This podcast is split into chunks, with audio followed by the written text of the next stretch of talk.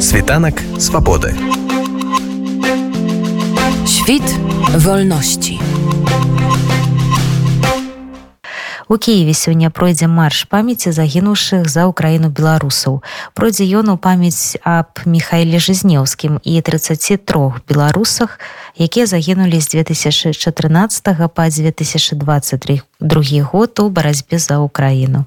17 гадзін до 1740 на михайлаўскай плошчы адбудзецца збор удзельнікаў а потым яны накіруюцца по наступным маршруце михайлаўская плошча софіўская плошча тэатральная плошча вуліца хмяльніцкага крышчацік еўрапейская плошча і народны мемарыял жызнеўскаму па вуліцы грушеўскага з 1840 до 20 гадзін пройдзе ушанаванне памяці загінуўшых ураджэнцаў беларусі беларусі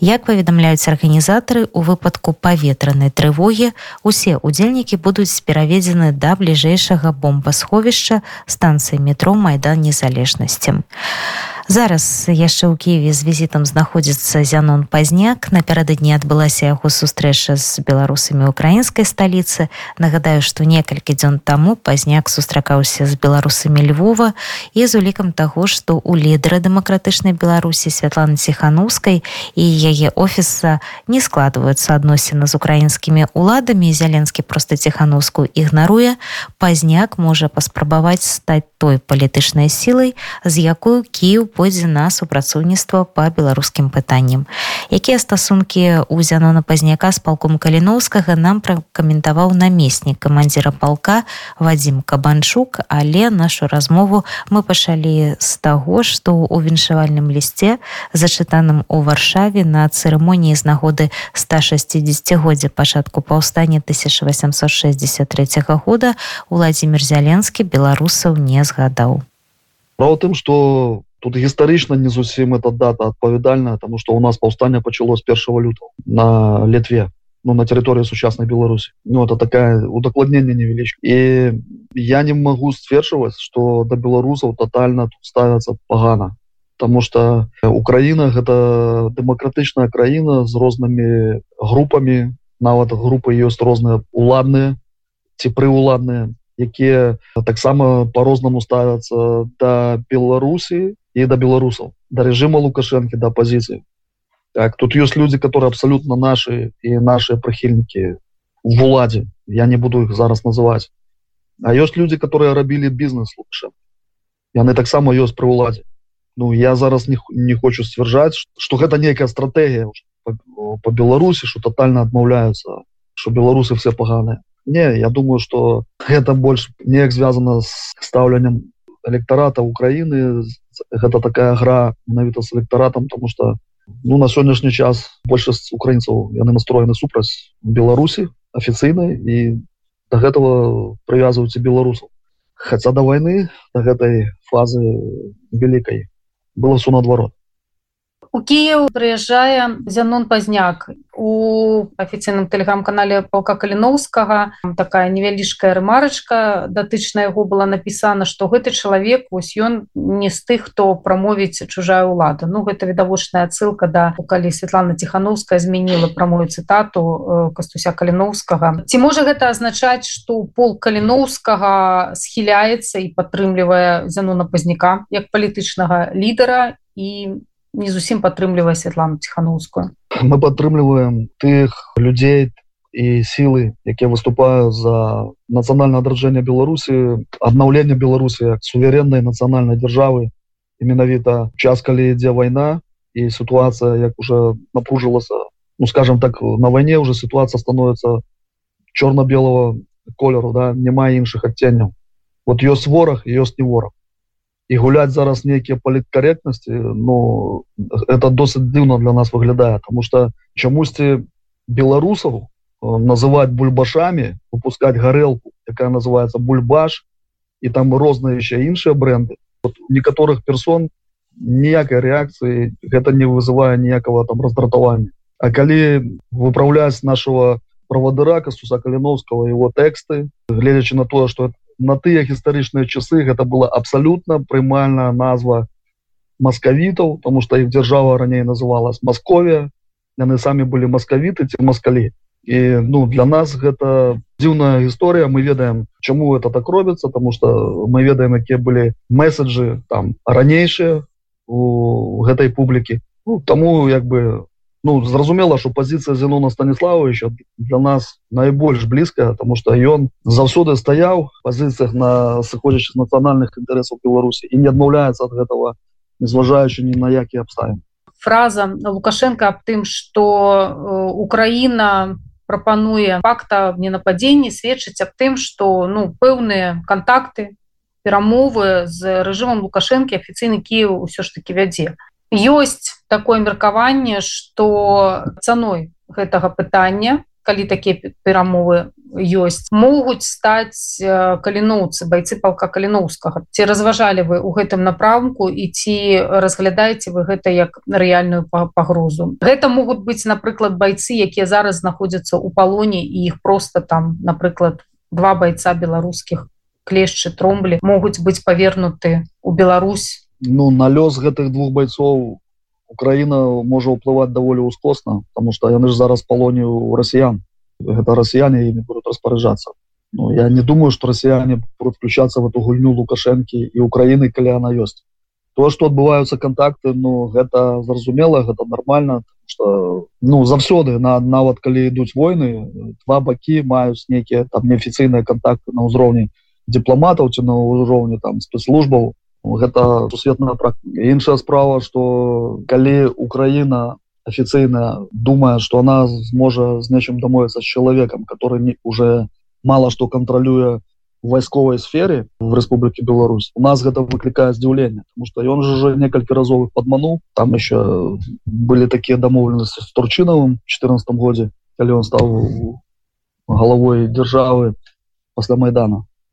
лукашенко же ему опісаў что выпадку нападу з моей тэрыторыі я тебя папярэджу і потым они абяцалі уже перед самым урваннем нічога не будзе Ну а самое галоўнае тое что а что он можа гарантаваць вот у вайсковым плане. Бо небяспека для Украины сыходзіць менавіта ў вайсковым плане найбольшая калі Путин прыме рашэнне тым что зрабіць напад ці зрабіць ракетны абстрел ці авіа удар з боку Беларусі. Лукашенко і гэта адмяніць не можа паўплываць на гэта не можа. Сама беларуская армія на сённяшні час гэта армія якой можа быць хапае на прыкрыццё уласнай тэрыторыі уласных межаў. Но ніяк там для нападаў на Украіну. Про кошт каліноўцаў что нами могуць неяк там не ведаю нас прынесці закладнікі гэтых змовы этой змовы. Ну мне цяжка гэта уявіць тому что Украина еще раз подкрэслю гэта дэмакратычная краіна дзе ёсць грамадская думка. Грамадская думка цалкам на был на нашем боцы тому что мы змагаемся со зброя в руках. Наши хлопцы гінуць атрымліваюць параненні наши хлопцы находятся на фронте мне цяжка уявіць якім что якім чынам там могуць за кошт нас дамовіць ось дарэчы аб э, беларускіх баярах і не, і не толькі беларускіх але вось дакладна ведаю за беларусаў калі яны атрымліваюць параненні калі яны уже там дэмабілізуюцца з арміі па розных э, прычынах пакуль ва ўкраіне не выпрацаваная дапамога і падтрымка беларусам у іх забіраюць вайсковыя квіткі і па сутнасці яны застаюцца сам нас сам со сваімі пТсэрамі і далейшым вырашэннем лёса але ўжо за межамі Украіны тому что легалізавацца таксама цяжка ці ёсць нейкі спадзеў на тое что трымаецца нейкім чынам гэтую сітуацыю з беларускімі легіянерамі палепшыць. Наколькі мне вядома Верховная рада ці там уже ёсць пастанова закона унесена пастанова ці яны прынялі закон няма часу за всеми сачыць навінамі аб спрошчаным наданне грамадзянства для легіянераў. Зразумела что беларусы будут трапляць у гэты спіс. Да, я думаю что з гэтым все наладзіцца. Просто на сённяшні час для нас там не ёсць гэта нейкая вельмі там нейкая крытычная сітуацыя бо у нас фактычна хлопцы якія маюць вайсковыя квіткі это ж ёсць як бы твой від на жыхарства в этой краіне там дзе вот наши хлопцы знаходзяцца на перадавой это пытанне на ногу не то что там на десятом не ведаю на каком месте про гэта там ніхто не думае не разважае гэта можна уже казаць калі скончыцца война но тут еще невядома якім чынам она скончыцца можа быть тады нам будзе патрэбна гэта грамадзянства ці нейкія іншыя документы А что тычыцца хлопцаў якія звальняются с полка то у нас ёсць патранатная служба у нас ёсць суправаджэнне ни один боец, который, мая проблемы со здоровьем, ранением, ён не застаецца поза увагай ёс апекавання налажаная сетка с волонтерами тым ліку і медычнымі якія зачынаюць любыя пытанні пол каліноўска гэта ўжо такі вядомы ну, бренд. І вашим імён карыстаюцца розныя і палітычныя сілы і грамадскія сілы. Скажите калі ласка ці оказывается у кантэксце гэтага на вас нейкі ціск? Можа усе з вами хочуць адразу сябраваць прапануюць нешта цікавае. Ось наколькі вам зараз складана лавіраваць у гэтых палітычных умовах? Да мы разумеем что вы кажется потому что сами там перыядычна уже сутыкались и бачили про нашу такую ведомость в позитивном контексте. Хлопцы которые переезжают в Европу ну, свершивают что польские мытники ведают про пол калиновского там на вот на узроўне неких таксистов в варшаве чули про пол калиновского. Тому да ведомость про нас поширается и это добра ну что тысяча неких там спробовал долучиться ці мець з намі стасункі там мы для всех адчыненых хто готовы з намі супрацоўнічаць хто готовы нам дапамагаць. Ты больш да, для тых хто готовы разам з намі тут долучацца і воеваць в самом полку. Ну что тычыцца палітычных рэчэй нейкіх то у нас из-за того что мы мусім заниматься адначасова вельмі ну багата э, якіх рэчэй рабіць але пераважная частка гэта все равно скірована на забеспечение на войну Таму у нас як бы там по факту калі ёсць хлопцы ці ёсць час заниматься некімі каляпалітычнымі пытаннями мы ими занимаемся зноў таки для чего нам гэта трэба я еще раз патлумачу для того чтобы мы смогли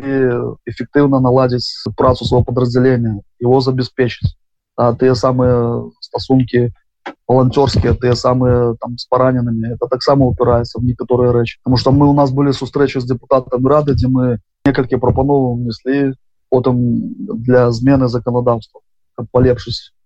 жыццё добраходніка і для беларускай дыаспоры таксама рабілі гэтыя справы афіцыйны Кіев не, не хоча ну, на ўзроўні прэзідэнта кантактаваць са селанай ціхановскай альбо з прадстаўнікамі аб'яднанага пераходнага кабінету. І вось гэты выпадак у варшаве на ўрачыстасцях у гонар кастуся каліноўскага відавочнае пацверджанне таго что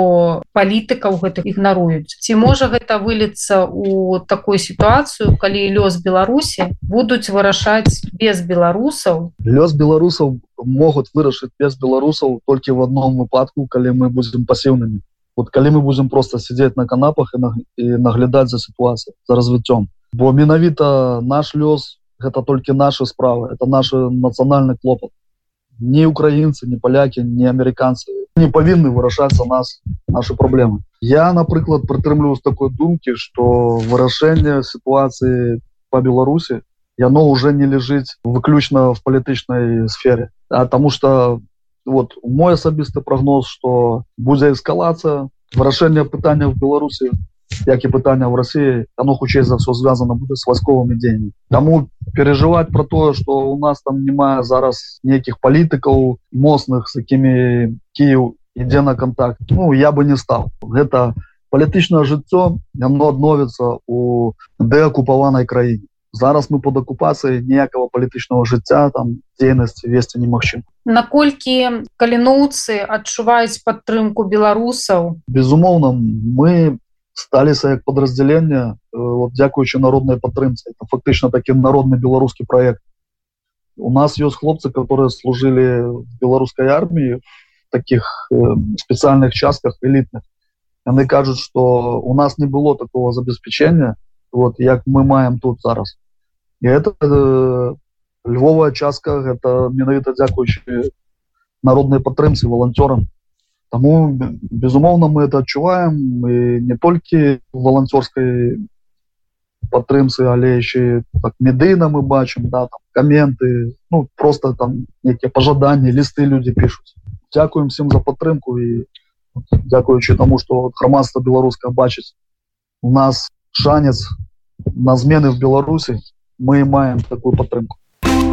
світанак свабоды Świt wolności.